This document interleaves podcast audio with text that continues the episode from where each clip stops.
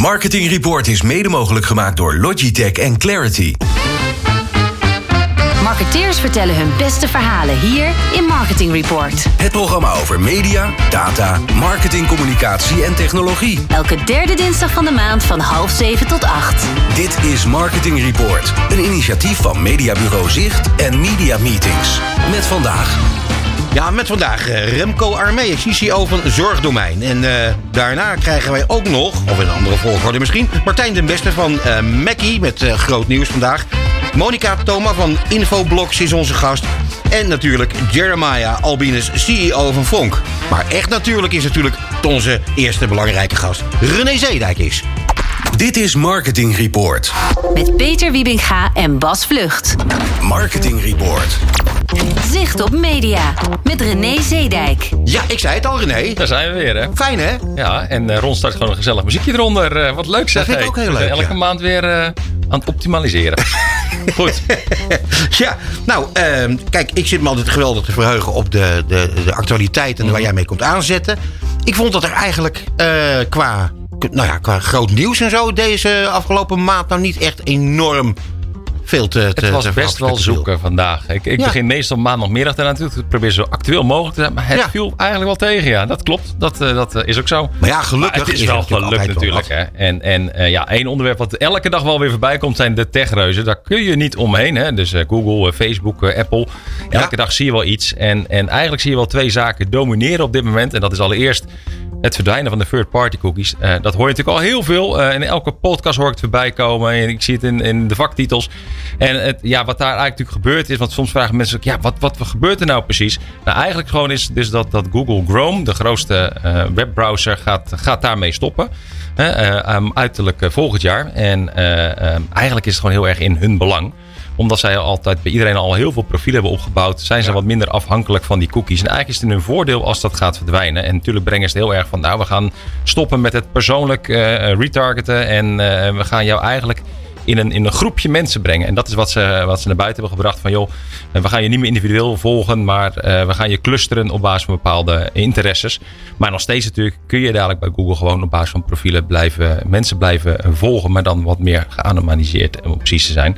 En ehm, eh, eh, wat je een beetje ziet is wat er nu moet gebeuren, is dat echt wel profielen moeten worden opgebouwd aan de kant van publishers.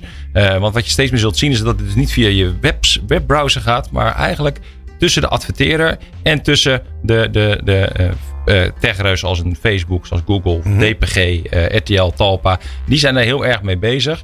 DPG loopt zeker lokaal, vind ik daar best wel in voorop, om, om die match te kunnen maken tussen de profielen. Dus, dus jij hebt een klant en DPG heeft ook diezelfde klant. En op basis bijvoorbeeld van e-mail kun je die match maken en kan DPG nog steeds op basis jouw klanten een bepaalde boodschap Ja, laten zien. noem- jij nu DPG een, een techreus?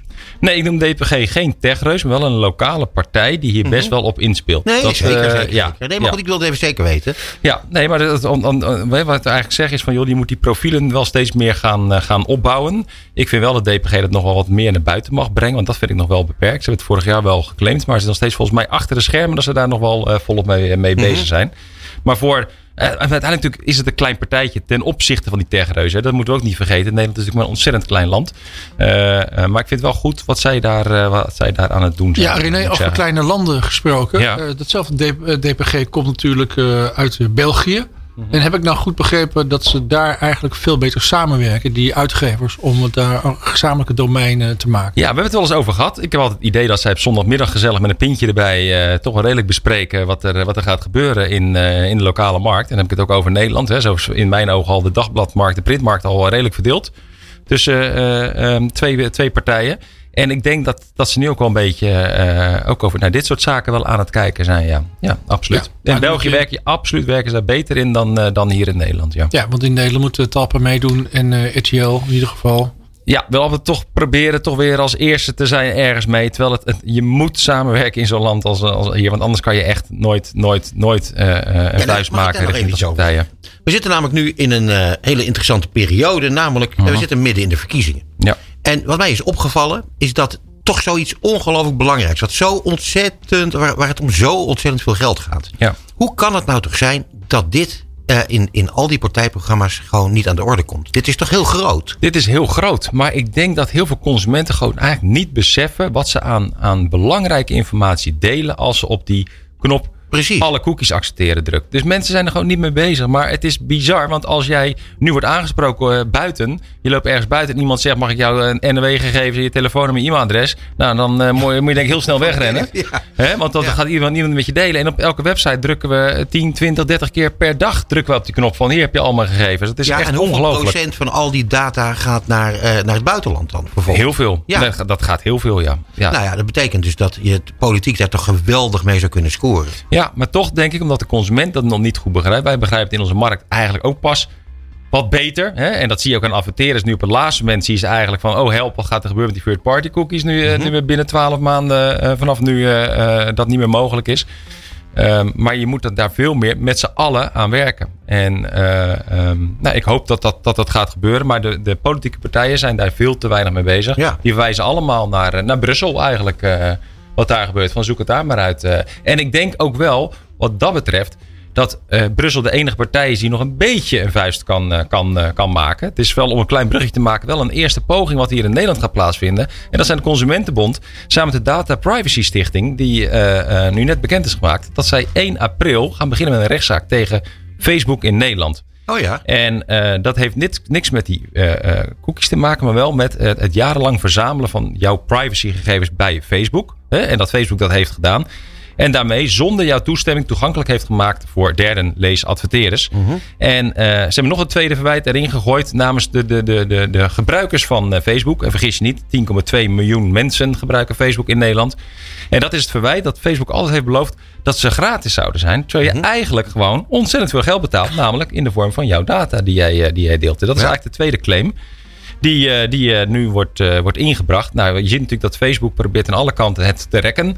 Allereerst van ja, is Nederland wel de, het land waar we deze rechtszaak moeten voeren? Of in Ierland, waar het hoofdkantoor van Facebook voor Europa zit?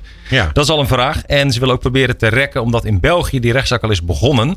De tegenhanger van de Consumentenbond daar is, is, is daarmee begonnen. En dat proberen ze ook eigenlijk te rekken. Dus 1 april is een eerste voorzichtige stap tegen die rechtszaak. Eh, om te proberen om, eh, om Facebook eh, een claim daar neer te leggen. En, en het mooie is wel, dat hebben ze wel slim gedaan, is dat zij een Amerikaanse advocaatkantoor om hulp hebben gevraagd. En die gaat die rechtszaak voeren op basis van no Q no pay. En, en mocht dat Amerikaanse advocaatkantoor gaan winnen, dan krijgen zij 18% van de volledige opbrengst. Kan, Ja. kan de opbrengst oplopen? Ja, want in 2019, we kennen allemaal nog Cambridge Analytica. Hè, en anders Ja. moet je een keer op Netflix kijken. Er is een hele mooie, mooie documentaire over. Is er maar liefst 4,5 miljard euro uitbetaald door Facebook. eh, eh, aan de Amerikaanse eh, toezichthouder. Vanwege die grote lek hè, onder die miljoenen gebruikers in die verkiezingsstrijd Ja. voor rondom Trump. Dat hebben we natuurlijk allemaal meegekregen. En daar is toen een enorme bedrag over betaald. Ja. René, hierop aansluitend. Hè? De, in de afgelopen jaren hoor je af en toe wel initiatieven van partijen die zeggen: ja, jouw, jouw data die zijn van jou en die zijn ook geld waard. En daar zou je ook geld mee kunnen verdienen. Ik heb toch het idee dat dat soort initiatieven tot nu toe nog niet heel erg van de grond zijn gekomen. Nee, maar het is natuurlijk wel zo. Het is heel veel geld waard. Ja. En dat is eigenlijk dus indirect ook die claim in deze rechtszaak waar we het net over hebben. Dat dat de claim ook is van ja, Facebook zou gratis zijn. Maar het is helemaal niet gratis. En dat is natuurlijk ook zo. Hè? Als je ergens gratis content ophaalt, dan is het niet gratis. Kijk naar elke eh, AD of Telegraaf. Nou, bijna elk artikel is premium tegenwoordig. Oftewel, je moet eerst gegevens delen of abonnee zijn. En anders Ja. kom je niet verder. Hè? Het is maar een enkel artikel wat je nog een keer gratis kunt lezen. Dat is eigenlijk natuurlijk ja, het artikel om jou binnen te halen. En je wat langer op de site te laten zitten. Ja. Maar het is zeker Nou, zijn geld wel gratis, hè? Peter, toch? Wat zeg je? Wij zijn wel... Maak ja, dit programma? Kan je gewoon luisteren. Dit programma is ook eh, zeker. Gelukkig Ja, wel, ja. dat klopt. Ja, dat is helemaal waar. Ja, hè? Eh, ja, nou, een interessant eh, verhaal. Ik, eh, nou, het is iets waar we in elk geval eh, eh, uitgebreid op terug gaan We zeggen wel eens komen. vaker, we blijven het volgen. Nou, dit Nou ja. kun je zeker blijven volgen. Ja, Ja, dit, we eh, hebben het ook al vaker over gehad. En eh, Ja. het is iets wat... eh, Nou, ik vind het wel goed van de Consumentenbond en, eh, en de, de stichting waar we net over hebben. Dat ze dat toch wel eens gaan, gaan eh, nou, beginnen en, en een poging wagen. Het is belangrijk dat we, dat we die eh, privacyregels steeds eh, beter en beter krijgen. ja, en dat dat geld dus een, keer, een keertje een beetje Ja, in Nederland nou, bankrekening. Ja, precies. Vind je Nee. niet? Ja, nee, dat Ja. klopt. Dat klopt. Dat Nou goed, en dan Oh, hadden we het nog ja. eh, over... eh, Geld gesproken. Over geld, ja. over televisiemarkt, hè? Ja, Screenforce is de brancheorganisatie. Die heeft weer een eh, rapport naar buiten gebracht. Eh, over de tv-markt. En dat is natuurlijk extra interessant in een coronajaar om te kijken wat daar nu is gebeurd. Nou, dat er, dat er een daling is, dat hadden we wel kunnen zien aankomen. Eh de eerste half jaar 22,8% gedaald. Tweede helft uh, een stijging van 3,4. Dus het heeft nog een klein beetje goed gemaakt. Maar overal een daling van 9% afgelopen jaar. En dat betekent dat er nog zo'n 753 miljoen euro naar de Nederlandse tv-zenders zijn gegaan. Uh, um, wat je wel ziet is dat spot wat minder hard geraakt is dan non-spot. Uh, non-spot om precies zijn bijna 12% van die budgetten die normaal naar non-spot activiteiten gaan op de tv-zenders. Zie je dat dat wat verschuift naar die uh, online platformen die ze vaak ook zelf hebben geïnitieerd met, met influencers. dat, hij, dat je steeds meer verschuiving ziet naar, naar dat soort mogelijkheden. Hij is vaak ook wat, wat makkelijker in te zetten. Vaak budgettechnisch wat, wat goedkoper. Maar goed, het is wel natuurlijk op een online platform en niet direct op een van de, de tv-zenders. En, en hebben jullie een, Bas, zou je enig idee hebben welke nou de grootste groeier is geweest eigenlijk? In welke branche het is geweest de afgelopen jaar op de tv-markt? Heb je dat meegekregen? Ja, je, krijgt drie seconden. E-commerce? Nee, nee, ja, dat zou dat, dat overal wel. Maar als je kijkt naar de, naar de branche, dan is het de medische branche geweest, namelijk de vitamine. Uh, per met 23 procent. Ja, en net daarna de bouwmarkten en, en de tuincentra. Daar zat natuurlijk wel dik Ah, in, ja. hè, het verbouwen thuis. Maar vitaminemarkt, het blijkt echt extreem te zijn geweest. Allemaal vitamine D, C en, eh, en weet ik Allemaal dingen die je niet nodig hebt, zeg maar. Ja, blijkbaar. Maar ja, Ja. mensen, het is toch een beetje onze houvast, denk ik, geweest het afgelopen jaar. eh. Mogelijk. Ja, ja, en dan de dalers, ja, dat ga ik niet vragen. Dat is horeca en toerisme geweest. Dat zou een, eh, een inkopper zijn. Maar eh, de medische branche, dat, eh, dat was hem. En, en als we nou kijken van, hebben we nou meer tijd gehad? Ja, we hebben zeker meer tijd gehad. Dus we zijn meer gaan kijken. Eh adverteerders zijn wat minder gaan besteden. Totaal 206 minuten eh, per dag besteden wij aan, eh, aan televisie. Dus ruim, eh, ruim drie uur. Waarvan, ja, dat is, dat is veel. Hè? Dat is naar, naar, de, naar het scherm. En dan zie je dus zo'n eh, nou, 159 minuten is dus naar de lineaire tv-zenders. RTL 4 of SBS 6 Ja. of de eh, Ster. Of de NPO moet ik zeggen. En 46 minuten dus naar VOD-zenders. Video on demand als Netflix, eh, Videoland, et cetera. En dat zie je wel snel gaan hoor. Dat, daar zitten enorme stijgingen. Dat gaat wel hard. Dat dat soort platformen steeds meer van jouw tijd opslokken. Wat jij aan het grote Maar er komen scherm... ook meer van die platforms. Dus gemiddeld gaan die dan nog steeds omhoog, denk je? Ja, zeker.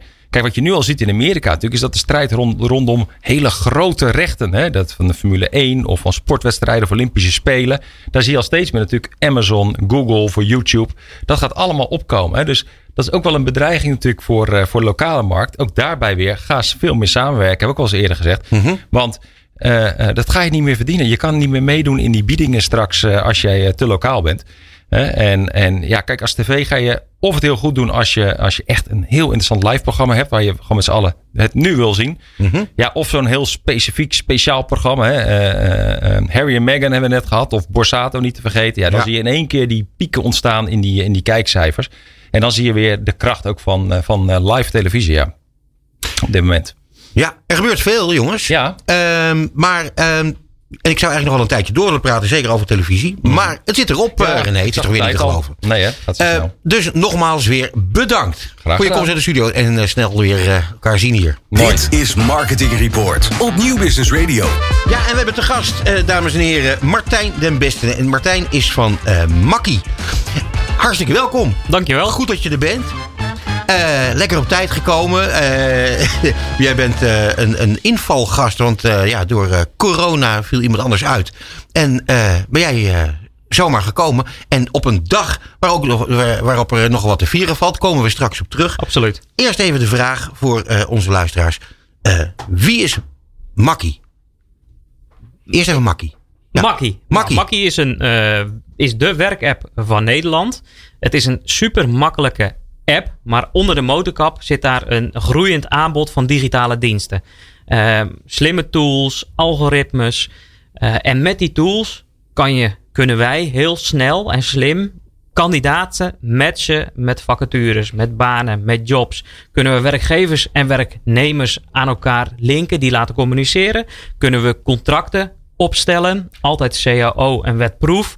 Kunnen we eh, uren declareren, eh, eh, uren invoeren in onze systemen, eh, verloningen doen, facturatie. Eigenlijk het complete plaatje en ontzorgen we daarmee zo werknemers en werkge- werkgevers. Dat doen we niet alleen voor mensen met een vaste baan, maar ook mensen met een flexibele baan, mensen met freelance opdrachten, mensen met een stagecontract, mensen met een vakantiebaan, klussen, gigs, noem maar op. Het maakt ons eigenlijk niet uit. Ontzorgen. Ja, zeker. Het maakt ons niet uit hoe je werkt, maar Mhm. als je werkt, zorgen wij ervoor dat het goed geregeld is. Ja, perfect. Om wat voor volumes eh, gaat het? wij uh, hebben nu zo'n 200.000 transacties over het platform uh, gehad. En uh, ons streven is om eind 2023 een van de grootste werkgevers van Nederland te zijn. Ja, jullie bestaan nu drie jaar. Nee, maar ik ga nog even terug. Want kijk, Bas die zit mij altijd enorm te ontregelen. Daar zit hij hier ook hoor. Bedankt Bas. Uh, want we hebben nu even over uh, Makkie gehad. Maar ik wil ook even over Martijn den Beste hebben. Want Martijn, jij legt uh, met Makkie toch ook een beetje een, een bom onder die arbeidsmarktbemiddeling, zeg maar. Zeker, ja, zeker. Dat ja. is, dat omdat, is je, wel... omdat je vindt dat het eerlijker moet en beter kan. Absoluut. Toch? Absoluut. Nou, maar even terug naar jouzelf. Want jij bent drie jaar geleden hier begonnen. En dat gaat nogal goed, hè? Daar komen we zo meteen ook op terug. Wat heb je hiervoor gedaan? Ja, ik begreep dat jij bij de Rabobank hebt gezeten. Ja. Dus hoe kom je hierin terecht? Ja, ik ben businessbanker geweest bij de Rabobank. En vanuit die rol heel veel bedrijven gezien. Heel veel technologie gezien. Uh, bijvoorbeeld in, uh, bij de Rabobank in Delft. Heel Mhm. veel start-ups gezien. Bedrijven gefinancierd. Van binnen en van buiten meegekeken. En ja, dit is een branche waar heel veel uh, innovatie... Met heel veel met innovatie nog te winnen valt. En Mhm. ja, samen met mijn compagnon uh, Makkie begonnen. Ik ben bij Makkie commercieel directeur. En in die hoedanigheid verantwoordelijk voor de sales support en de marketing bij Makkie. Mhm. Nou, we hebben een jong, enthousiast, dynamisch team. Dus het is eigenlijk elke dag. Van hoeveel mensen? Uh, van ongeveer 35. Ja, we groeien heel hard. We hebben ongeveer 35 mensen nu in dienst. In drie jaar tijd. Knap hoor. Ja. Dank je. En zijn dat, zijn, wat, wat zijn dat voor mensen? Nou, ongeveer de helft van die mensen zijn uh, techmensen, om het zo maar te noemen. En uh, ja, de andere mensen zijn actief in de sales, in de support, in de marketing, in de legal, in de finance. Dus zo hebben we een uh, compleet team om onze klanten te ontzorgen. Ja, ik zag op jullie website staan win-win-winst. Dat vond ik eigenlijk wel een heel erg mooi. Hoe ben je daarop gekomen? Nou, omdat we merkten dat het niet alleen winst was voor die medewerker, waar we initieel voor begonnen waren. Dat die beter, slimmer en eerlijker in de maatschappij en in ja, zijn werkzame leven en carrière kon invullen. Maar dat we merkten van hé, hey, ook die werkgever heeft er heel veel baat bij. En uh, doordat ze er allebei zoveel baat bij hebben, leveren we eigenlijk veel toegevoegde waarde aan de hele maatschappij. Ja, ja. Um, ja, ik begrijp het heel goed. Um, is dat ook de manier waarop je nu uh, aan klanten bent gekomen? Ik bedoel, jullie zijn ergens begonnen. Uh, uh, natuurlijk niet met een grote campagne, want daar heb je dan nog geen geld voor. Dus hoe, hoe is dat in zijn werk gegaan? Ja, wij zijn eigenlijk begonnen ehm, vanuit de propositie van: hey, wat willen we dat we voor klanten regelen? Mhm. Hè, we willen zorgen dat als men samenwerkt, dat het goed en eerlijk geregeld wordt. En ja, tot Makkie was er eigenlijk geen plek waar je elkaar en kon vinden en de samenwerking kon regelen. Toen zijn we eigenlijk met de moeilijkste sector begonnen, de bouw. De bouw Ja. is een hele ingewikkelde, gecompliceerde CAO. En we hadden zoiets, als we die kunnen maken, als we die kunnen faciliteren, netjes in contracten kunnen gooien, met een paar vragen altijd het juiste contract eruit kunnen krijgen, dan moet het eigenlijk voor alle branches kunnen. Nou, we zijn dat gaan testen met klanten. Hè. Dus we hebben pilots gedaan. En uh, ja, daaruit bleek dat het eigenlijk best wel snel en makkelijk ging uh, met een aantal klanten Ja, toen we realiseerden, hey, dit gaat in de bouw, dachten we, dit kan ook in het groen. Of dit kunnen we ook in de transport en logistiek. Dit kunnen we ook in de horeca, in de zorg, uh, in het onderwijs. Nou, we hebben onze dienstverlening inmiddels in 40 branches jongen. op jongen. orde gebracht. En, uh, Hoeveel ja, heb je nog te gaan eigenlijk? ja, ik zeg zelf altijd, ik denk dat we met uh, zo'n 90 cao's, 80, 90 cao's, het overgrote deel van werk in Nederland kunnen faciliteren. Jongen, jongen, jongen. Hey, en uh, uh, we hadden het al even gezegd, drie jaar uh, zijn jullie, bestaan jullie inmiddels. Um, heel erg gegroeid in die tijd. Ja. waar gaat het heen? Wat is de bedoeling? Ja, ik zei het net al. wij willen eind 2023 de grootste werkgever van Nederland zijn. Waar, waar, praat je dan over? Ja, dan praat je ongeveer over 25.000 FTE. Goedemorgen. Dus dat is echt groot. Echt groot, ja dat is wel de werkgever die bij iedereen in zijn broekzak zit. He, dus mensen krijgen steeds meer macht en mm -hmm. um, ja, regie over hun eigen carrière om te doen wat ze willen doen, waar ze goed in zijn. He, en, en ik geloof erin dat wij onze talenten veel beter gaan benutten. Dat we niet meer ons talent inzetten voor één werkgever, Mhm. mm -hmm. één jaar lang of een heel leven lang. Maar dat we ons talent gaan combineren. Dus dat we voor meerdere opdrachtgevers, meerdere werkgevers tegelijk kunnen werken. Om zo efficiënt mogelijk met tijd, met energie en met talent om te gaan. En dat hebben we in Nederland nodig, want er is heel veel werk te doen.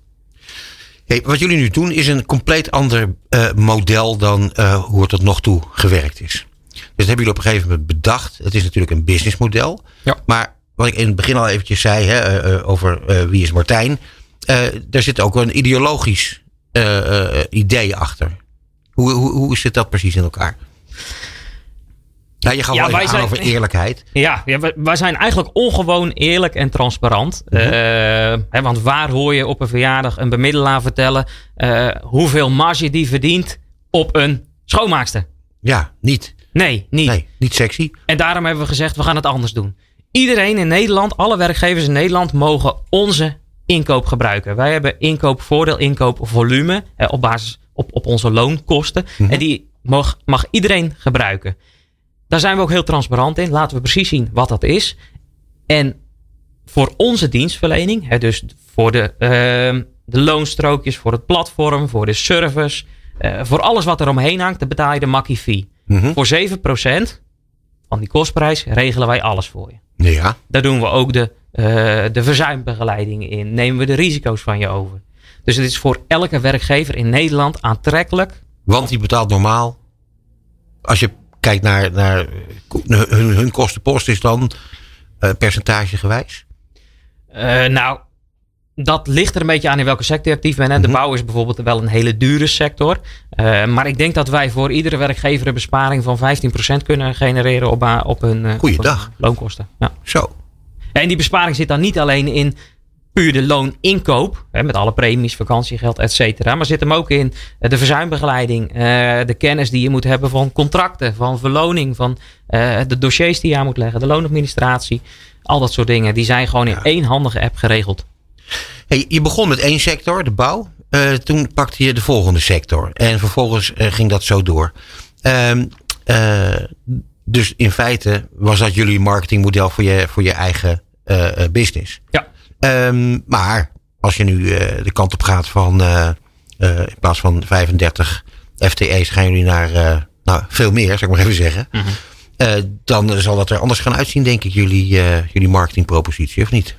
Dat is wel zeker. Dat Ja. is wel zeker. Ja, heel eerlijk. Wij eh, ehm, hebben nog maar een bescheiden marketing, of een bescheiden budget voor marketing gereserveerd. We zijn niet bescheiden, maar op, basis- op het gebied van marketing wel. Omdat we vinden dat wat we doen, moeten we goed doen.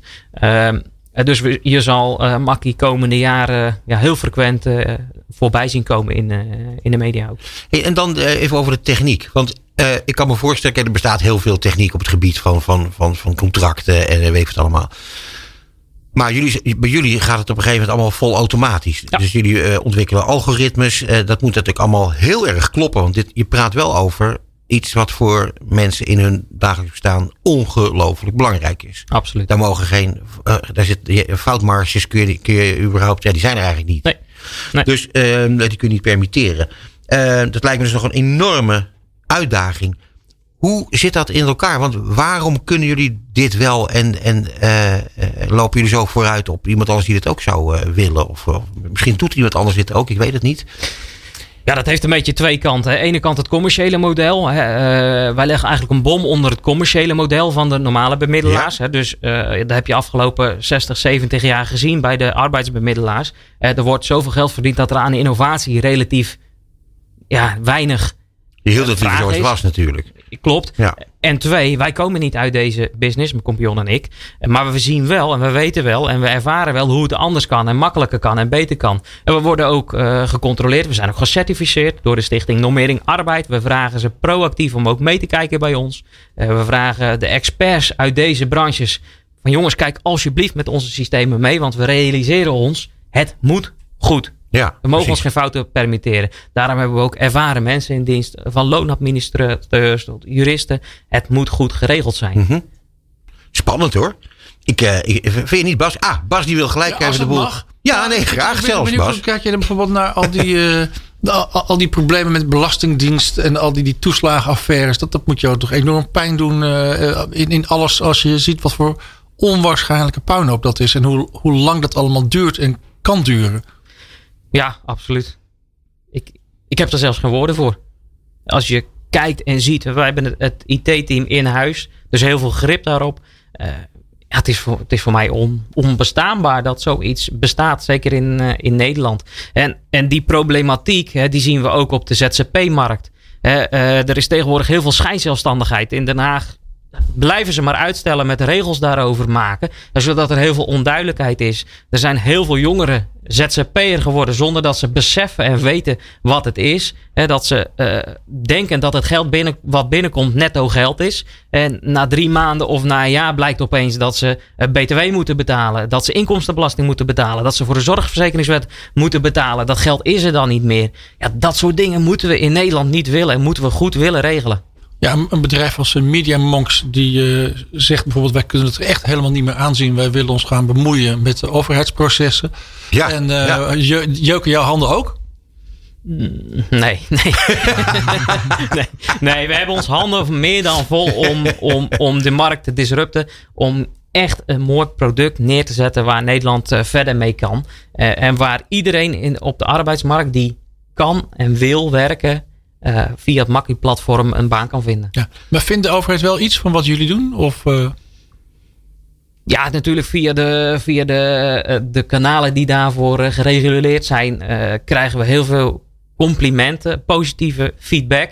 Van ja, dit is wel een manier waarop we, waarop we, waar we naartoe willen in Nederland. Om met onder andere flexibele arbeid om te gaan. Zeg, en dan gaan we naar deze feestelijke dag.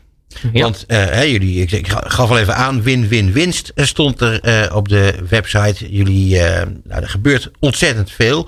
Jullie zijn, even kijken, ik had daar een notitie van gemaakt. Ja, jij zei dat vond ik heel leuk. we zijn een beetje de booking.com voor de arbeidsmarkt. En nu moet er inderdaad toegegeven worden dat daar ook heel veel heel goed geregeld is. En jullie hebben vandaag iets nieuws gelanceerd. Dat klopt. maar op. Ja, vandaag is echt een feestelijke dag voor, uh, voor het Makkie-team, maar voor, ook voor alle klanten en uiteindelijk voor heel Nederland. Want wij bieden onze freelance bemiddeling vanaf vandaag gratis aan. We hebben een pre-launch gedaan uh, waarin klanten uh, dus in pilot fase samenwerking hebben gerealiseerd. Mm -hmm. En we hebben dit nu landelijk gratis uitgerold. Nou ja, gefeliciteerd. Dankjewel. Superleuk. Wat zijn de reacties tot dusver? Ja, gaaf dat dit kan. Gaaf dat het nu ook goed geregeld is. Hè? Dat mm -hmm. we weten waar verantwoordelijkheden liggen. Dat we weten welke afspraken we maken. Dat we weten dat de facturatie, uh, het debiteurenrisico uh, goed geregeld is. Uh, ook een beetje ongeloof eerlijk gezegd van hè, kan dit gratis? Ja. Nou, je had het net al over marketing. Dit is een van onze marketing trucs om Nederland kennis te laten maken met Makkie. Ja. ja, jij gaf ook aan dat iedereen die wil, die kan werken. En dat is eigenlijk ook iets wat jullie gewoon uh, volop uh, faciliteren.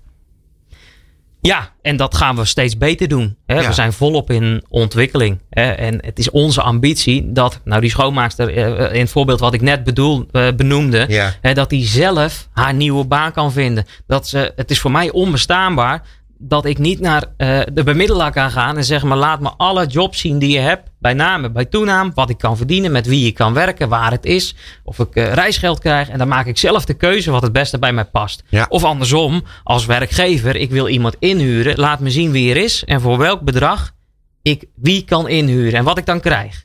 Ja. Op reviews, noem maar op. Ja, daar gaat het heen met Nederland. Ja, het wordt uh, eerlijker. Zeker. Ik wil je daar graag mee complimenteren. Uh, en ik wil je ook ontzettend bedanken dat je naar de studio bent gekomen. En wij, uh, wij horen nader voor jou, want deze onstuimige groei die gaan wij volgen. Heel graag tot de volgende keer. Leuk, dankjewel. Dit is Marketing Report op Nieuw Business Radio.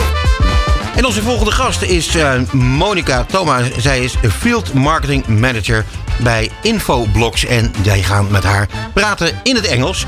Very welcome here in our studio. Thank Monica. you so much for the invitation. Uh, well, it's really nice to have you here. Um, Infoblox. Um, uh, uh, could you please tell us something about uh, what kind of business are you in? Sure. So um, we're basically a um, leader in uh, security, and we take care of providing um, and or securing uh, companies, securing their data and network. So in short, we work with global organizations like Apple, um, Rabobank, Deloitte, for example, to make sure that their users are safe when working on premises, like in the office or from home, because we all work from home nowadays, right? Yeah, sure. That's something we're going to talk about later on. Um, and and you are field marketing manager. What is the field marketing manager doing at Infoblox? Well, basically, I'm taking care of running end-to-end campaigns for the Benelux and the Nordics market. So that means, or Which is, which is huge.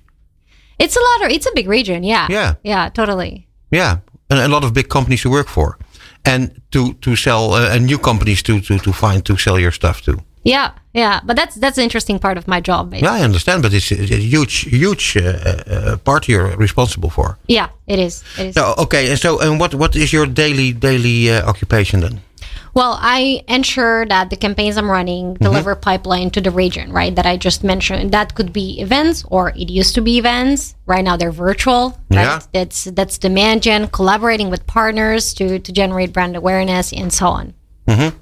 So um, I, I I'm interested in these uh, these events um, because what we see is that we can't meet up with each other anymore. Everybody is working at home from home. Um, we have these Zoom meetings. Um, um, everybody's thinking of something special. Um, I think what is interesting, what you said before, is that you are actually taking risk in doing events uh, in, in, in, the, in the way you think about organizing events. Um, and in fact, your business is to, um, well, do the, the opposite thing, Yeah, yeah, yeah, isn't it? yeah, Yeah. yeah. I, recently, I'm taking risks. It's, Yeah. it's been a year running virtual events, right? It- everything changed like a year ago. so give me some examples. Well, sure. So, um, basically, as, as a marketeer, I'm trying my best to be as creative as possible. Creativity it's, is like the critical ingredient in running successful campaign. It's like the kaas on the brochure, right? Yeah, You yeah. have a sandwich in the Netherlands. Oh, your Dutch is improving. it is. It is. um, so I'm I'm trying my best basically to be as creative as possible. And and when you when I look back a year ago, I was sitting in my laptop seeing all the physical events being canceled one by one, one by one. It was very frustrating and sad. But in the same time, this this change the pandemic brought, and I hate the word pandemic, but it happened. You know, with change, there's opportunity coming, and I said, well, I'm gonna embrace it. I'm gonna get creative. I'm gonna think out of the box, find new routes to get to our customers and engage with the audience, and find other virtual events. So, for example, you see the market. You're probably on LinkedIn, right? Mm-hmm. You see the market extra saturated with webinars, webinar sessions. too many, too many. yeah, yeah, absolutely. It is. It is. So I've, I've seen this happening a lot. So as a marketeer, I started asking myself, Monica, what can you do to make this more interesting, interesting for your prospects and customers? So there, there are two ways. I started first of all calling them different. I started calling them, you know, um, knowledge sessions, buffet sessions, lunch and learns, and so on. But not just that, because that was just the picture how I portray them.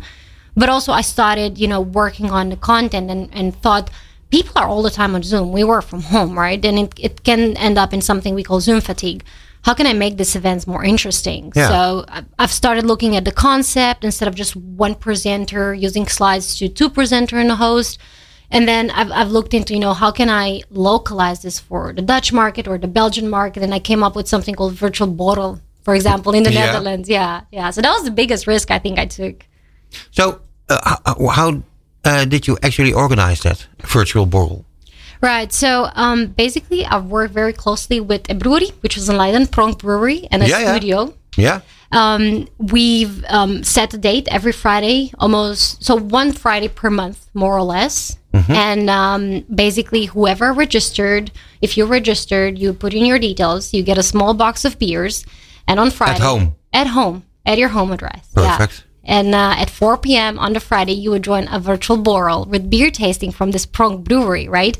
And and the, the whole event was, you know, it was a combination of, of both infoblogs and, and beer tasting, but it was not in a way that, hey, thanks for joining this beer tasting. Now you need to listen to our product and our story, right? And need to buy. No, it was very interactive. People enjoyed the beer tasting while listening to stuff about you know our, our security and how they can stay safe while working from home and that was really i don't have kids but that was my baby yeah, yeah, yeah, yeah. the loveliest campaign i've ever done and i've done like around four of them so far How many? four of them Okay, and how many uh, people attending?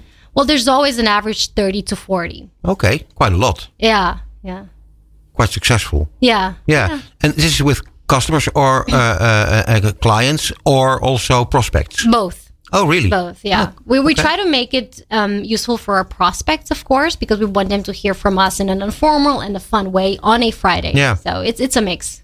So, um, if we look at the, the pandemic, um, uh, does it bring extra opportunities to Infoblox to uh, to do business?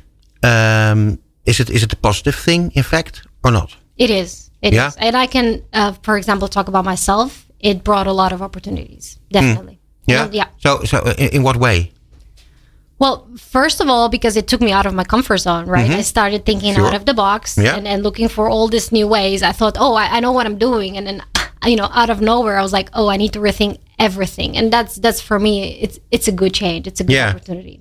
So, um, uh, uh, let's say the, the, the borals you did uh, is, is only one part of um, rethinking your your marketing, uh, uh, the marketing you have to do. So, what did you do uh, uh, uh, on other things? Like like uh, uh, you talked about cross functional collaboration.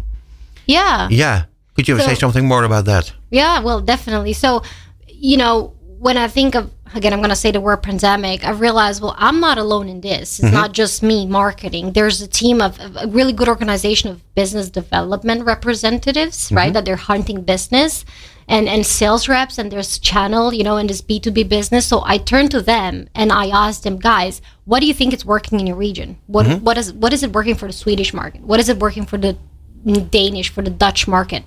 And I started asking them, you talk every day with your customer, you pick up the phone, like, what do you ask them? What do you think it works? And then it, this is such a great input, such a valuable source of information that I actually inserted it in all the campaigns.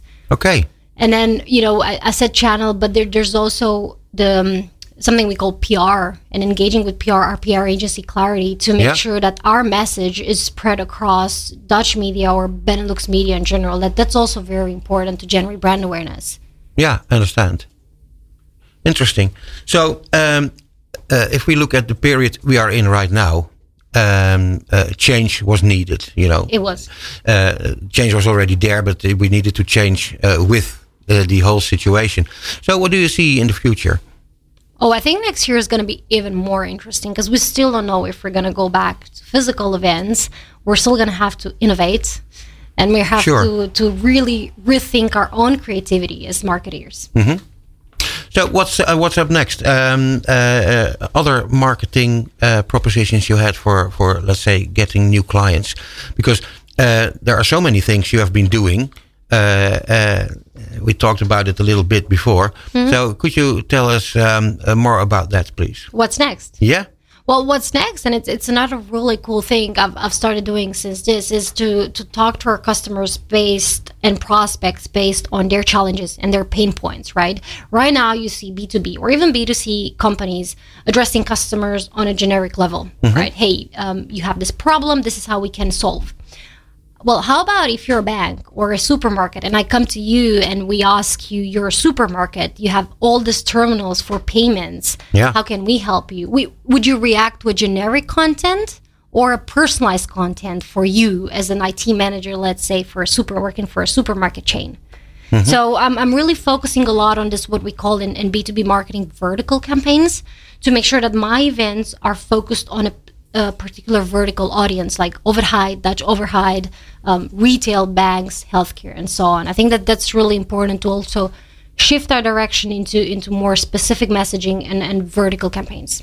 So, um, uh, software as a service we are talking about. Well, that's in fact your your job, right? Uh, to sell that. Um, I'm wondering. Um, uh, you do have competitors, of course, Yeah. in in the business. So, what is the big difference of what you are offering uh, and what they are offering?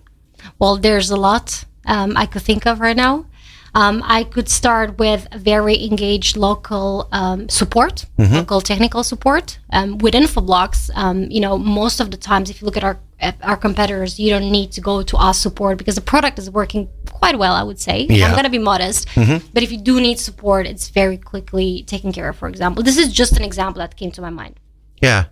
So, um, could you also say that because in in, in your uh, uh, field of work, I think uh, creativity is normally not uh, the most important thing, right? But in your case, it is. It is. I, I still think it is. It's you need to be creative and and also in a way analytical as a marketeer. It's, it's a combination of both. You need to master both of them. So, uh, uh, data. You al- al- already said that you uh, come up with uh, all kinds of information from the different countries you're working for, right? Yep. Um, so, do you uh, um, gain all your data yourself, or do you buy data as well? We have our own data Okay. in our system that we're touching upon with campaigns. As a marketeer, I don't buy data. Why not? It's against my ethics as a marketeer. Uh, well, uh, there are a lot of companies who, who sell interesting data. I'm very much aware. I, I just prefer to do targeted campaigns instead of buying those data. Let's say. Okay, okay, okay. So, with how many people are you working uh, uh, uh, within uh, uh, Infoblox? If we're a lot of us in, in the Amsterdam office where I work, it's the EMEA headquarters, and it's about 20, 25 people. But Okay. we're growing a lot. Yeah. So, um, uh, and um, uh, another thing is that why I was- I was looking at your website, um, it looks all very uh, fresh and positive. Is that what? Is that is that something uh, what you did on purpose? Um, because yeah, it's not my, my. I don't know so much about it to be honest. Okay. So, um, uh, is that something which which really works for you? Uh, is it something new? The image of the website or the messaging we're sending, you mean? in fact, the messaging message you are sending with uh, with this kind of yeah, well, freshness, because it, it's it's um, for me it feels uh, good, but it's uh, not exactly what I would think of if I look at your services. Really? You understand? Okay. Are you expecting more like images with dark hackers in the back? You know, like no lights. I or- don't know what I expected to be honest, but but uh, maybe more more business like or so. Okay. Well, I was surprised. Okay, I guess it's it's really upon each company to, to build their messaging. We're positive, as you said. We're we're fresh. We're a really motivated team, and we try to you know express that through our website. Yeah. So um, um, you are doing events, advertising, uh, online advertising, also uh, uh, uh, uh, other advertising, maybe. We're mostly working with our PR. There's a different team team looking after ads and so on. Oh, okay, okay. And um, uh, of course, I'm uh, because I'm I'm organizing events myself all the time. Well, not at this moment, of course. But um, there was one more thing. You also mentioned, um, uh, apart from the borrels, you mentioned um, uh, buffet. Yeah, yeah. So you know, Uh, how, how how do you do that? well, it it's really just when you think of buffet. A buffet is a long table where you grab all your food Yeah, yeah, sure. from, and Yeah, then you're enjoying it. And this is what I've the reason why I've called webinars a a knowledge buffet is because we're presenting you all this info that you can grab during the session, and then use it for your knowledge, right? To educate and Mm-hmm. train yourself. Just yeah. So what's happened? Just I'm just uh, uh, trying to figure out uh, uh, how it looks like. So you invite people, and they, what happens? Well, they basically join a session, right? Yeah. Where we we put up a topic. Well, of course, depends on the month, depends on what's hot in the market in that moment, and they join a session to educate themselves. Like, remember when the pandemic started and every every hospital was hacked, for example. This is just an example, right? Mm-hmm. Every month has a different topic, and people are invited to join and and tune into it and listen to it to educate themselves. How can I stay away from this Yeah. particular danger or or challenge, etc. Um, I hope you don't mind, but uh, I'm really curious to see how it works. I know it has been very successful so far. So please invite me for one of your next events, on online events, so I can learn from that as Okay, well. Okay, you want a bottle with beer or? Uh, whatever. Well, the bottle with beer um, is quite attractive. Okay. Yeah. Okay. Okay. Then then you're you're more than invited. Thank you so much to, for coming to our studio. And uh, we talk later uh, again about what you are doing. And uh, thank you so much for now. Thank you for the invite. Dit is Marketing Report op Nieuw Business Radio. En onze volgende gast is Remco Armee, CCO van Zorgdomein. Hij gaat voor 100% voor de best mogelijke zorg voor iedereen. En via jouw platform gaat dat lukken, hè? Ja, dat klopt. Welkom. Dankjewel. Goed dat je er bent. Eh, Remco, ehm, jij bent eh, CCO, eh, consumentenmarktdirecteur. Maar je bent eigenlijk veel meer, hè?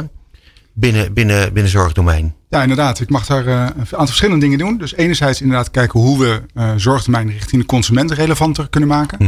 En anderzijds als operationeel directeur eigenlijk veel kijken aan het B2B bedrijf. Dus dan moet je denken aan marketing, product, user experience, operations. Het grappige is dat uh, bij uh, zorgdomein, uh, daar moest ik me even in verdiepen, een beetje. Ehm, jullie zijn geen verzekeraar, jullie zijn echt een platform. Dus wat doen jullie precies? Ja, dus we zijn inderdaad een, een specifiek platform in de zorg. Dus wij geloven in een wereld waar de best mogelijke zorg voor iedereen bereikbaar is. Mm -hmm. Nou, dat klinkt misschien raar als je het over Nederland hebt. Maar het is nog steeds zo in Nederland, als je naar huisarts gaat, dat je niet altijd de best mogelijke zorg krijgt. En dat willen wij verbeteren. En dat doen we door enerzijds uh, een huisarts meer inzicht te geven in waar die de best mogelijke zorg voor jou kan vinden. Maar ook vervolgens dat te regelen door een dossier door te sturen of een digitaal afspraak. Ga even, even terug hoor. Uh, weet de huisarts niet waar je de best mogelijke zorg kan krijgen? Nou, het aanbod in Nederland is natuurlijk heel erg groot. En mm -hmm. Het niet alleen welk ziekenhuis, want het gaat op basis van aandoening of de behandeling die voor jou noodzakelijk is. Mm -hmm. En daar is een aanbod van ziekenhuizen en dat is misschien nog wel overzichtelijk. Maar er zijn natuurlijk ook gewoon uh, private ziekenhuizen. Er zijn natuurlijk gewoon allerlei behandelaars, in wat ze dan noemen de eerste lijns. En dat overzicht, hè, want op ons platform zitten 80.000 professionals. Dat is voor een huisarts niet meer te overzien. En daar helpen wij. Ja, interessant. Het is, een, het is een problematiek waar je normaal gesproken niet zo snel aan zou denken. Gelukkig niet. Nee, want uh, jullie denken daar al een geruime tijd aan. Hoe lang ongeveer? Ja, het bedrijf is 20 jaar geleden opgericht. Ja. Toen was het echt in de tijd dat de huisarts al die kennis in zijn hoofd moest hebben. Of in zijn Rolodex. Ja. Nou, ondertussen is daar natuurlijk een hoop in geïnformeerd. Innoveerd. Dus 91% van de huisartsen maakt gebruik van ons platform. En kan in die negen minuten dat jij bij hem bent, direct op het scherm kijken. En bijvoorbeeld op basis van wachttijd kijken waar jij terecht kan. Mm -hmm. En dat ook regelen in die negen minuten. Maar we zien nog steeds meer mogelijkheden om dat beter te doen. Het is, het, is een, het is een interessante wereld. Weet je, voor mij was het helemaal nieuw, nieuw, omdat ik in de eerste instantie even het gevoel had van in die medische wereld en zorgdomein. Denk ik, oh, dat, dat klinkt als, als een verzekeraar of een verzekering of, of uh, nou ja, weet ik veel. en toen kwam ik erachter dat jullie echt een, een faciliterende partij zijn. Um, jullie matchen dus vraag en aanbod. Um, en dat, hoe, hoe doe je dat dan? Dat moet op een slimme manier. Moet snel en goed. Vertel. Ja, dus uh, nou wat we doen is dus enerzijds zorgen dat de verwijzers een applicatie hebben. En daar hoeft ze ook niks voor te betalen. Waarmee dat aanbod inzichtelijk wordt. Mm -hmm. Anderzijds moet je natuurlijk zorgen dat al die aanbieders op het platform zitten. Nou, dat zijn enerzijds de ziekenhuizen. Maar er zijn ook 10.000 professionals in Nederland die dat gewoon zelf bedrijven. Alleen of in een klein bedrijf. Dus die moet je ook aan boord hebben. Mm -hmm. En dan moet je vervolgens zorgen dat de juiste vragen worden gesteld om te komen tot die beste match. Ja. Um, uh, alle data die jullie hebben. Ik, ik, neem aan dat dat. Uh, en, en die via jullie verspreid worden. Uh, dat lijkt mij allemaal heel, heel ingewikkeld qua. qua um, God, hoe noem je dat nou? de, de, de veiligheid ervan. Dossiers van, van patiënten. Ja. En hoe, hoe kunnen jullie ervoor zorgen dat mensen daar een veilig gevoel bij hebben? Nou, het zijn twee verschillende dingen. Dus enerzijds is hoe zorg je dat het veilig is. Ja. Nou, dat doen we dus al twintig jaar. Want dat is natuurlijk extreem belangrijk ja. dat het dossier veilig van A naar B kan. Hè? Dus eigenlijk in de meest basale zin zou je kunnen zeggen, joh, we zijn een infrastructuur. Mm -hmm. Anderzijds is het natuurlijk gewoon de perceptie. En dan moet zorgen dat onze gebruikers ook heel goed weten. Hè, doordat ze ook deels controle erover hebben. Hè? Dus alleen relevante gegevens worden meegestuurd. Um, en als gebruiker, als consument, patiënt, kan ik ook vaak zelf hè, uh, inloggen. En we zorgen ook dat dat gewoon veilig gebeurt. Hoeveel mensen werken bij jullie? Zo'n 130. Oh, dat is best wel aardig wat. Dat is inderdaad aardig wat. Ja. Hey, en uh, op de dagelijkse basis, wat, uh, wat zien we jou dan allemaal doen? Sorry, wat zei wat, wat, zien we op een dagelijkse basis jou allemaal doen? Wat mij doen? Ja, dus ja. Het mooie van mijn werk is dat ik enerzijds natuurlijk heel erg bezig ben van goh, meer aan de visiekant. Van goh, waar kunnen we naartoe? Ja. En dat is natuurlijk mega interessant. Hè? Want als patiënt heb je nu een beperkte rol. Hè? Dus je komt bij je huisarts. Nou ja, die, is bij jou in de buurt. Maar volgens ben je best wel een beetje afhankelijk van de huisarts hoe dat dan verder gaat. Zeker. En als je kijkt natuurlijk digitaal, mijn achtergrond zit, ik weet heel weinig van de zorg. Hè, ik weet veel meer over consumentengedrag, independent marktplaats. En daar zie je natuurlijk dat het technologisch heel erg mogelijk is om consumenten eigenlijk meer een stem te geven. En Ja. wij geloven dat in de zorg dat mensen ook kan helpen. En dat als je meer betrokken bent, dat je gewoon sneller geneest. Dus daar is natuurlijk heel veel over uit te zoeken. Van hoe doe je dat dan? En vooral ook, wat is de kleinste stap die je daarin kan doen? Hè? Want anders heb je al een heel groot droom gefabriceerd die jarenlang duurt. Anderzijds nou, werd ik vandaag gebeld door mijn uh, operations manager. Die zei, joh, het is hartstikke druk aan de telefoon. We hebben een storing gehad. Er waren veel vragen. We hebben net een hele nieuwe regio aangesloten op ons product Transfer. Mhm. Waarbij we de ziekenhuizen helpen om, als je klaar bent in het ziekenhuis, om het juiste verpleeghuis of thuiszorg te vinden. Dus daar zitten ook allerlei operationele vraagstukken. Divers en, uh, en hoogst interessant. Hè? Dat vind ik ook. Ja. Hey, ehm eh, jij gaf even heel kort, heel snel zei jij eh, Marktplaats en Depender. Klopt. Ja, jij, dat, dat zijn twee plekken waar jij je ook druk hebt lopen maken. Op een positieve manier. Nou, vooral heel veel heb geleerd ook. Ja, nee, dat bedoel ik. Ja, daar wilde ik eigenlijk naartoe. De, de learnings van die, die, die daaruit zijn gekomen. In hoeverre hebben die een relevantie in datgene wat je nu aan het doen bent bij eh zorgdomein? Nou, de- deels is het natuurlijk echt een andere wereld. En dat vind ik zelf erg interessant. Hè, want die zorg, ja, eh, één, het is voor iedereen relevant. Ehm, en twee, ja, het is ook wel echt een medische wereld. Hè. Dus Ja. dingen moeten ook wel echt goed gebeuren. Ehm, wat ik meeneem, denk ik, van de andere wereld, is van, goh, hoe kan je nou ehm, ja, versneld eigenlijk dingen in je bedrijf organiseren? Wat we zagen bij Marktplaats, dat is ook een mega succesvol bedrijf. Maar op een bepaald moment in tijd loop je eigenlijk gewoon tegen grenzen aan. En moet je jezelf opnieuw uitvinden. Nou, dat hebben we daar gedaan. Dat zagen we ook bij Independer. Dat was ook een bedrijf wat in 1999 was opgericht. Hoe vind je jezelf opnieuw uit? En dat is deels gewoon inhoudelijk in het product. Maar zit ook heel erg in de manier van werken. Ja, Er zit heel erg in van hoe kan je het bedrijf een nieuwe purpose geven. Of een aangescherpte purpose. ja. Hoe kan je je doelen nog scherper formuleren. En op een manier dat iedereen kan bijdragen. En dat is wat we ook bij Zorgtermijn doen. Ja, je ziet nu dat er een hebben verkiezingen, morgen zijn ze. En eh, er is heel veel discussie over de zorg. En er zijn nu toch heel veel mensen het toch wel over eens dat de privatisering van de zorg eh, ehm, eigenlijk wat ver is doorgeschoten en zijn doel heeft gemist. Wat kan je erover zeggen uit jullie praktijk? Kan je dat bijvoorbeeld zien uit jullie systemen dat dat ook zo is? Of ben je het bijvoorbeeld niet mee eens met die stelling? Nou, eh, we hebben een voorzitter van de Raad van Bestuur, eh van Raad van Commissarissen, Pauline Meurs. Die heeft er toevallig vandaag in het Financieel Dagblad een uitgebreid artikel over geschreven. Want het is inderdaad, in al de verkiezingsprogramma's staat wat. Wat ik zelf zie, zeg maar, als iemand die pas één jaar in de branche zit, is dat er gewoon heel veel digitale mogelijkheden gewoon onbenut laten. En of je dat nou privatisering noemt, marktwerking, doorgeschoten marktwerking. Ik denk dat er gewoon een hele hoop moet gebeuren. En dat we dat met z'n allen veel slimmer moeten doen. En dus veel moeten samenwerking. Want als alleen de overheid het moet regelen, dan komt het denk ik niet goed. Als alleen de markt het moet doen, of ieder voor zich, dan komt het ook niet goed. Verschil wordt echt gemaakt in de samenwerking. Dus ehm, als ik jou goed beluister, zeg jij van dat het nog niet per se zo hoeft te zijn dat privatisering een heilloze weg is. Maar het kan ook misschien zijn dat het misschien beter moet worden gedaan. Dat, dat, het nog niet, dat we er nog lang niet zijn. Nou, wat ik merk in de gesprekken die ik heb met ziekenhuizen, dat er heel vaak ideeën zijn over hoe ze de zorg beter kunnen maken. Maar dat dat binnen een ziekenhuis moeilijk uit te voeren is. En wat ik zie elke dag binnen zorgtermijn, wat dan eigenlijk een private onderneming is, publiek-privaat, zo die termen hoor ik de laatste tijd heel veel in mijn nieuwe baan. Zie ik dat in die private onderneming eigenlijk innovatie gewoon vele malen sneller gaat. Het is gewoon voor ons veel makkelijker mogelijk om dingen te doen die misschien in een groot ziekenhuis niet zo makkelijk te doen zijn. En die combinatie is natuurlijk uiteindelijk wel krachtig. Goed hè? Ja, het is interessant. En jij eh, gaf net even kort aan dat je eh, met je nieuwe baan eh, had je het over. Dus je, jij zit nog niet zo heel erg lang bij Zorgdomein. Ehm, dat betekent dat jij in coronatijd daar bent begonnen, of niet? Ja, klopt. 1 juni vorig jaar. Dus eh, ik, ik mocht mijn laptop ophalen en kon daarna eigenlijk weer meteen naar huis. weer naar huis. En eh, kon dan inloggen. En dat werkte allemaal top. Maar dat was wel een beetje een rare manier om die 130 man te leren kennen. Ja, Waarvan ik het inderdaad. grootste nog steeds niet heb leren kennen. Nee, dat, is, dat lijkt me heel vervelend. Maar je ehm, bent wel, en dat vind ik wel heel leuk, je bent heel erg eh, enthousiast over, eh, over je werk en over, over eh, zorgdomein. En dat komt ook omdat je dingen kunt veranderen. Er moeten dingen veranderen, gaf je aan. Ehm, hoe zag het bedrijf eruit en wat ben je nu aan het doen om, om dingen te versnellen? Om, om, bijvoorbeeld, je gaf aan purpose is een belangrijk ding geworden. Nou, is niet zo gek natuurlijk. Kan je er iets meer over zeggen?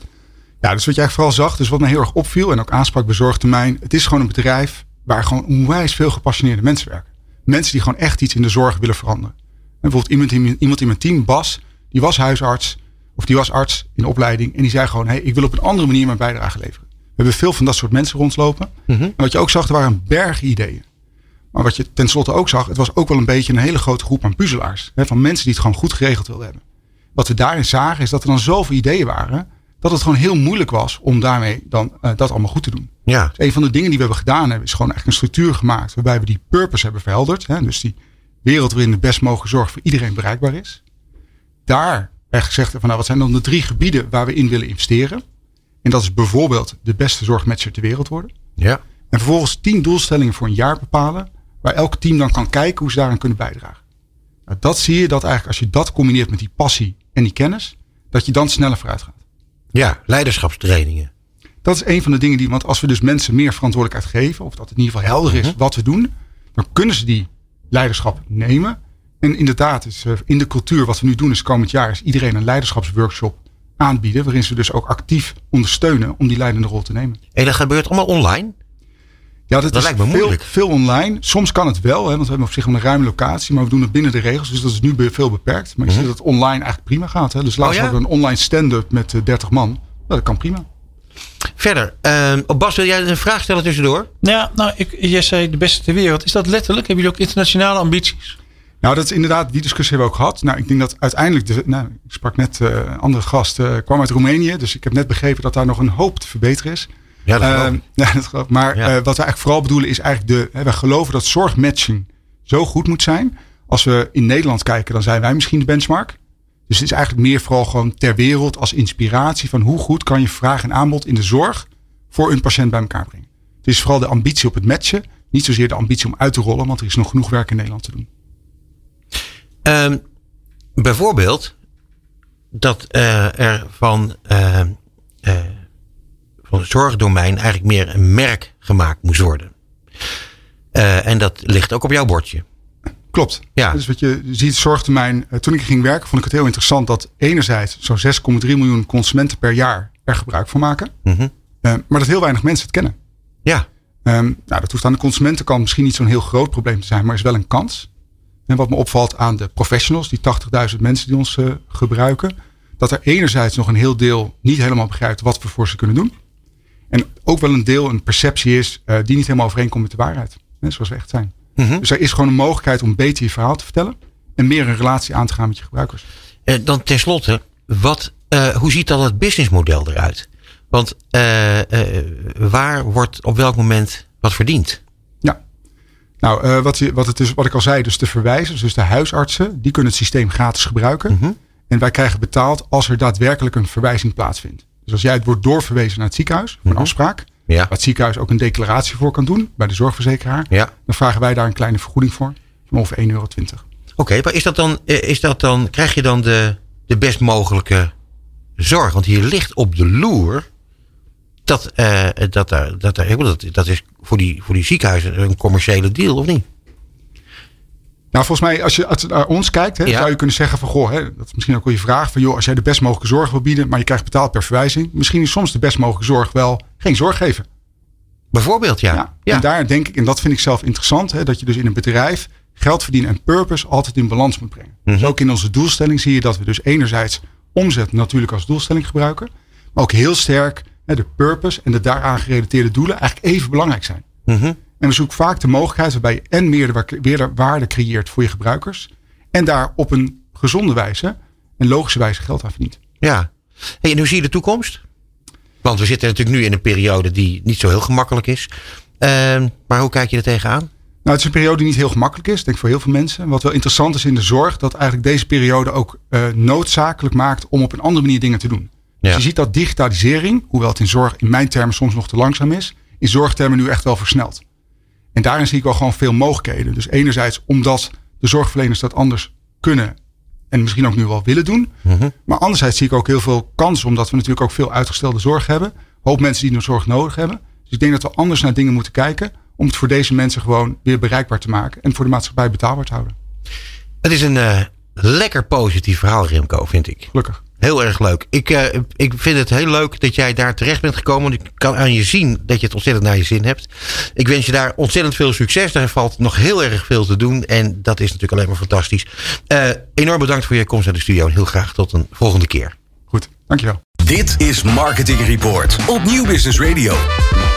Ja, en we zijn toe aan onze laatste gast van vanavond. En dat is Jeremiah Albinus. Fijn dat je er bent. Leuk om er te zijn. Nou ja, geweldig man. Jij eh, bent eh, de CEO van Vonk. En ja, Vonk heeft denk ik nauwelijks introductie nodig. Eh, maar laten we het toch doen. Vind je niet? Nou ja, en om eerlijk te zijn, Vonk heeft nog wel een klein beetje introductie nodig. We hebben eh, geholpen na zijn bekendheid van ongeveer 60%. Nou, dat vind ik... Oké, ja. Dus, op de tien Nederlanders die moeten ze nog leren kennen. Oké. Maar daar gaat dit bij helpen. Ja, zeker. En, eh, en daarbij is het zo, ja, we zitten natuurlijk met name in de B2B, maar eh, dat is ook van belang. En, ehm, eh, maar goed, natuurlijk vinden wij het prettig om daar ons steentje aan bij te dragen. En trouwens, voor jou is het er ook superleuk om daar gewoon constant mee bezig te blijven. Gewoon meer vonk bij meer mensen. Zeker. Ja. Alle huis wat vonk geven is ons adagium. Ja, nou, ik moet je zeggen, ik vind het leuk. Ehm, eh, nee, nee, laat, nee, sorry. Nu begin ik zelf alweer. Kan jij even vonk introduceren? Ja, tuurlijk. Ehm, nou ja, Vonk is een, eh, een, een online woonwinkel eh, die eh, gespecialiseerd is in interieurproducten. maar die via, de, via de shop ook helpt en inspireert met het kiezen van je interieur. Dat doen we met een, zo'n kleine 270 collega's in Utrecht. Waar we zowel het distributiecentrum als het kantoor in één pand hebben zitten. Ehm, eh, nou ja, dat doen we met veel liefde. verkopen we dat online. Ja. Producten. Het is schitterend, want eh, jij bent eh, ooit begonnen, eh, laten we zeggen, in de e-commerce. Jij wilde met e-commerce gaan werken. En jij kwam eh, al vrij vlotjes bij Vonk terecht. Wat was je eerste functie bij Vonk? Stagiair. Stagiair. Sta- stagiair Ja. online marketing, ja. Ja, en nu ben je CEO. Ja, ja 13 jaar later dan CEO. Ja, klopt. Ja, een jongensboek. Of niet? Zo, zo zou je het, eh, het kunnen omschrijven. Eh, een, een, jongens, een jongensboek met eh, veel verschillende plot twists en, en hoofdstukken. Ja. Veel, veel meegemaakt in de afgelopen 13 jaar. Maar ja, ik vind e-commerce fantastisch. En Ja. dat, dat vond ik al voordat ik bij Vonk kwam, kwam werken. Ik had al een beetje mijn, eh, mijn, eh, mijn vizier opgericht om in de e-commerce te gaan werken. Nou ja, als je dan vanuit een start-up positie met een paar miljoen omzet groeit naar waar Vonk nu staat als nou ja, serieuze partij in online retail. Ja. Ja, super trots op. Het is een interessant verhaal, omdat, ehm, misschien, misschien ligt het aan mij hoor, maar eh, ik vind datgene wat jullie verkopen, dat vind ik nou zelf typisch iets. eh, bijvoorbeeld een bank, daar wil ik eerst even op gaan zitten. Of een tafel, wil ik zien hoe die staat. Of nou ja, weet je wel, dat soort dingen. Dus dat, dat, je, dat je een bedrijf hebt wat, wat dit soort dingen online verkoopt, dat vind ik echt knap.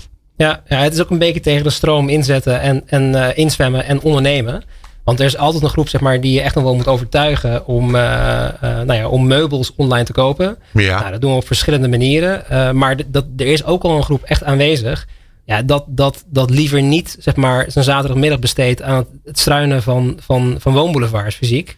Nee, dat en begrijp ik ook heel erg goed, eerlijk gezegd. Shopt. Ja. Ja. Ehm, nou ja, nu je dat daarover begint. ehm, eh, eh, hoe, ziet, hoe, zien die klanten, hoe zien die klanten eruit? Hoeveel, hoeveel procent van de vrouwen, mannen neemt beslissingen omtrent het kopen van, eh, van, van de spullen Ja, dat, dat, dat, is een, dat is een hele grappige vraag. Maar ik op twee manieren antwoord op kan geven. Als je kijkt naar de, naar de kopers, dan zie Ja. je dat, dat het de merendeel, het net het merendeel vrouwelijk is. Oké. Dus ongeveer 60, 65 procent van onze kopers die zijn, die zijn vrouwelijk. Maar we hebben natuurlijk wel meerdere onderzoeken gedaan aan onze klanten. hè. Ja. Als je kijkt naar wie de beslisser is thuis over, Oh over, wie Oh interieur eh, eh, bepaalt. Ja, is het echt heel sterk vrouwelijk. Dus, dus Vonk, Vonk is ook Oh, is allemaal meer, vrouwelijk. nou, 80, vrou- tot, 80 tot 90 procent zou ik wel durven noemen van, van de, Oh. ja, dus, dus, dus 60, 65 procent koopt en is, is vrouw. Maar Ja. dat betekent dus dat de andere, eh, wat is het, 35, 40 procent is mannelijk. Ja. Maar daar zit vaak ook nog een vrouwelijke beïnvloeder achter. eh, die dan de producten koopt. Dat is toch werkelijk ongelooflijk, joh. We Ja, hebben ja. gewoon helemaal niks in te brengen, man. Nou ja, ik, ik, ik, ik vind, ja, ja hok- hokjes, denken, hokjes denken is niet helemaal meer van deze tijd. Maar eh, ja, de feiten liegen niet. Het is Nee. wel zo dat het. eh, dus wij zijn als, als merk ook overwegend vrouwelijker. Ja, wat betekent dit voor je communicatie? Nou, iets meer smaak en stijlgericht. Eh, Ja. eh, dat, dat, dat zie je zeg maar in de content die we maken. Dus eh, we zijn continu bezig met sfeerfotografie, fotografie, sfeervideo's. Nou, we richten ons ook op Instagram en Pinterest als belangrijke social media kanalen. Ja. Daar vindt veel ehm, oriëntatie plaats voor, voor interieur. Ehm, eh, maar ja, je ziet het ook aan, aan de look en feel van de, van de webshop. Dus eh, ehm, ja, het is allemaal net iets meer. Nou, ik moet je zeggen, ik vond het, ik vond het wel eh, slim gedaan. Eh, eh, op jullie website zie je inderdaad sferen. Ehm, ik, vond, ik vond het er eerlijk gezegd heel aantrekkelijk uitzien. Ik, ik ben niet een liefhebber van, van winkelen. Ik ben niet degene die naar woonboulevards gaat, kan ik je verzekeren. Ehm, eh, dus ik vond het eigenlijk heel aantrekkelijk. Maar dan nog denk ik wel, van ja, ik, ik, zou een aantal dingen zou ik wel kunnen kopen bij, bij jou. Maar een bank zou toch echt niet, daar moet je toch op zitten, even, denk ik dan. Ja, ja, nee, maar ja, ja, er, zijn, er zijn groepen inderdaad die, die dat echt nooit online zouden kopen. Maar eh, wat ik net al zei. Maar je bent natuurlijk ook heel ouderwets. Nou ja, tegen, tegen, tegen de stroom inzwemmen. eh, ehm, we, we hebben zeg maar, met Vonk uh, door de jaren heen bewezen verschillende productgroepen te kunnen verkopen online. Uh, Ja. Er werd al wel vaak tegen gezegd, ja, stoelen kan je niet online verkopen. Uh, vloerkleden kan je niet online verkopen. Nou ja, bank kan je niet online verkopen. We verkopen ze en elk jaar meer omdat het een groep is die, uh, uh, nou ja, die dus niet zeg maar, die stap naar de fysieke winkel wil, wil, zetten. Maar ook omdat we steeds beter in staat zijn om door middel van fotografie, door middel van content, door middel ja. van uitleg, door middel van reviews, klanten mee op reis te nemen. Waardoor ze dat risico toch durven te nemen. Uh, Bas. Ja, hoe zit dat met de dingen terugsturen? Kijk, als je een, een truitje niet past, ja, dan kan je weer terugsturen. Maar ja, krijg je een heel bankstel teruggestuurd. Dat lijkt me toch niet prettig? Nee, dat is, uh, dat is een van, van, van de nadelen als je pionier wil zijn op dit vlak. Dan, dan krijg je er ook mee te maken. Oh, dat gebeurt wel, dat het, hele bankstel het, terugkomen. Het, het, gebeurt zeker, ja, ja. Maar het is wel het is een klein percentage. Uh, maar dat, is, uh, ja, dat, dat hoort bij het spel. Ja, als je me toestaat wil ik je graag een compliment maken. Hier komt het. Je, uh, je, bent natuurlijk vergeleken met andere hele grote spelers ook een relatief kleine speler. En is het toch heel goed gelukt om een heel eigen geluid uh, te, te, te, brengen in je communicatie en in je marketing. Dat vind ik heel knap. En ik ben zelf helemaal geen doelgroep. ben ook nooit op jullie website geweest. Sorry daarvoor. Maar ik heb een beetje de indruk dat je wat hoger in de markt zit. En, en met, ook met de communicatie die je doet. De, de huidige campagne met het, het melkmeisje, als ik het, als ik het zo mag zeggen. Ja, ja prachtig. Echt mooi. Dank je. Nou, dat, dat, dat, compliment ga ik zeker overbrengen naar, uh, naar mijn collega's. Dus dat is heel leuk vinden om te horen. Um, um, ja, we proberen natuurlijk wel op een opvallende manier en, en eigen, eigenwijze manier ergens ook zeg maar, onze communicatie over te brengen. Uh, nou ja, met wel echt wel gevoel op wat de klant belangrijk vindt. Dus ja. dat, uh, ik vind het ook heel leuk, Bas, dat jij eigenlijk op deze manier jouw vrouwelijke kant heel erg laat zien. Hè? Omdat, ja, ik bedoel, daar is die campagne toch een beetje meer op gericht. Ja, ja, prachtig. Ja, ik nog meer. Ik heb nog een vraag. Oh, ja, nee, want jij, jij was natuurlijk uh, een marketeer hè, bij, en nu ben je CEO. Dus nu is er een nieuwe marketeer. Nou, de, de, ik, heb, ik heb een hele goede marketingafdeling. Um, uh, en, die, en die staat echt al, die stond al in stelling, zeg maar, uh, voordat ik de stap maakte naar, naar CEO. Um, uh, dus ik heb besloten om, om daar nu nog geen uh, marketingdirecteur tussen te zetten. Uh, omdat de marketingmanagers die hier zitten het uitstekend kunnen. En jij vindt het zelf ook veel te leuk natuurlijk om je ermee te bemoeien. Ik heb, ben natuurlijk wel marketeer diep in mijn hart. En, en als je me vraagt van ja, als je CEO bent van een, een B2C uh, uh, consumentenbedrijf met, met waarbij merkbouw heel belangrijk is, ja, dan, dan, dan hoort dat ook, vind ik, eigenlijk bij de rol van CEO te liggen. Dat je de klant gewoon voorop zet en dat, dat je daarover nadenkt. Dus ik, ik blijf daar zeker betrokken. Op gepaste afstand. Want ik vind ook dat zij de ruimte moeten hebben om zelf te kunnen ontwikkelen en te ondernemen. Maar ja, nee, strategisch gezien hou ik natuurlijk wel verankerd in, in de route die we met Vonk nu aan het bewandelen zijn. En werk je ook met het reclamebureau en het mediabureau? Ja, ja, um, ja dat, dat, werken we zeker. We, hebben natuurlijk, we kunnen niet alles zelf, hoe eigenwijs we ook zijn. dus we werken met een onderzoeksbureau, een, een mediabureau en een reclamebureau. Welke partijen? Het, het reclamebureau is, is Alfred. Uh, uh, waar we ook nou ja, echt wel trots op zijn. Daar werken we al een aantal jaren mee samen. En uh, zij hebben ons ook echt geholpen om de propositie verder aan te scherpen. En de GVS wat fondcampagne op te zetten. dus het, het melkmeisje compliment zal ik ook naar hen doorgeven. Nou, doe maar. Um, verder werken we met, met Comfort Media voor de media-inkoop. en we werken met Memo 2 voor het, het onderzoek. En nou ja, die, die drie eenheid, om zo maar te zeggen, daar, die is vastgeklikt op onze marketingafdeling. Samen zoeken we naar de, de hoogste effectiviteit in onze communicatie. Ja, en dat uh, brengt mij dan gelijk op uh, het onderwerp, uh, en dat sluit hier perfect op aan, ehm, hoe jullie je onderscheiden van, van, van de rest. Want de, de concurrentie is gigantisch. Hè? Um, en dan misschien niet alleen online, maar inderdaad de woonboulevards. En, en nou ja, het is enorm, werkelijk enorm. het aanbod is ook gigantisch. Uh, dus waar onderscheiden jullie je dan uh, in? Want dat zul je moeten doen. Je hebt uh, aangegeven onder andere dat jullie medewerkers allemaal echt erg gepassioneerd zijn. Dat is natuurlijk al een hele grote stap. Wat gebeurt er vervolgens? Um, nou, als ik het heb over gepassioneerde medewerkers, heb ik met name over uh, passie voor producten. Mm -hmm. uh, dat is iets wat, uh, nou, wat al best wel lang bij Vonk speelt. Hè. Dus dat we bijna zeg maar, het, het klassieke retail adagium. dit product raad ik je aan, want ik heb hem zelf ook. Maar ja. wel gewoon echt die liefde voor, voor producten en de content die daar omheen zit. Om het ook daadwerkelijk goed te, te kunnen vermarkten. Maar het onderscheidend vermogen van, van Vonk naar de toekomst toe is natuurlijk wel iets breder dan dat. Um, want wat wij wel zien als een enorme kans voor ons in de, in de home living markt, is dat de markt versnipperd is. Er zijn Ja. heel veel verschillende winkels, heel veel verschillende loketten. Eh, en dat is echt wel anders ten opzichte van andere retailmarkten. Ehm, dus het, het samenbrengen van de belangrijkste eh, merken en ehm, fabrikanten en ook retailers als een platform. Dus Ja. echt een groot aanbod, een groot centraal aanbod creëren. Gecombineerd met eh, inspiratie zoals we nu al laten zien op eh, de shop. Met Ja. shop the looks, eh, sfeerfotografie. eh, nou ja, de juiste beschrijvingen, reviews van onze klanten. ook foto's van hoe producten daadwerkelijk in de woonkamer of in de slaapkamer van de consument geplaatst zijn. Klantcontact zelf. En, en een keuzehulp, dat is echt dat is ook nog belangrijk. En klantcontact zelf is daar vervolgens dan ook een, een follow-up. eh, Ja, ja. uitermate belangrijk. Ehm, eh, dan eh, problemen.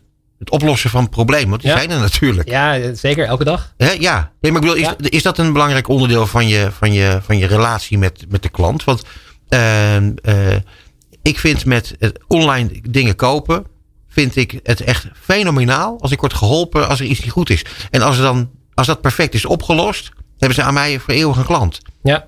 Eh, Ja. Terwijl ik liever dat hele probleem niet had gehad. Maar dat doet er dan niet meer toe. Ja, ja nou, we hebben afgelopen jaar ehm, hebben we ontzettend hard gewerkt om, om nog beter onze belofte waar te maken. En ook heel goed te kijken waar, waar we dat niet deden. Mhm. Dus onze NPS is echt eh, een, een behoorlijke, heeft een behoorlijke step-up gehad afgelopen jaar. Ehm, dus nou ja, je hebt gelijk. Het is op, op het moment dat je een probleem creëert, eh, eh, dan is het vervelend. Als je het goed oplost, dan heb je uiteindelijk toch een, een trouwe klant erbij. Mhm. En ja, daar gaan we voor. Dus eens. Hey, eh, de, de markt op zich. eh, hoe ziet die er eh, momenteel uit?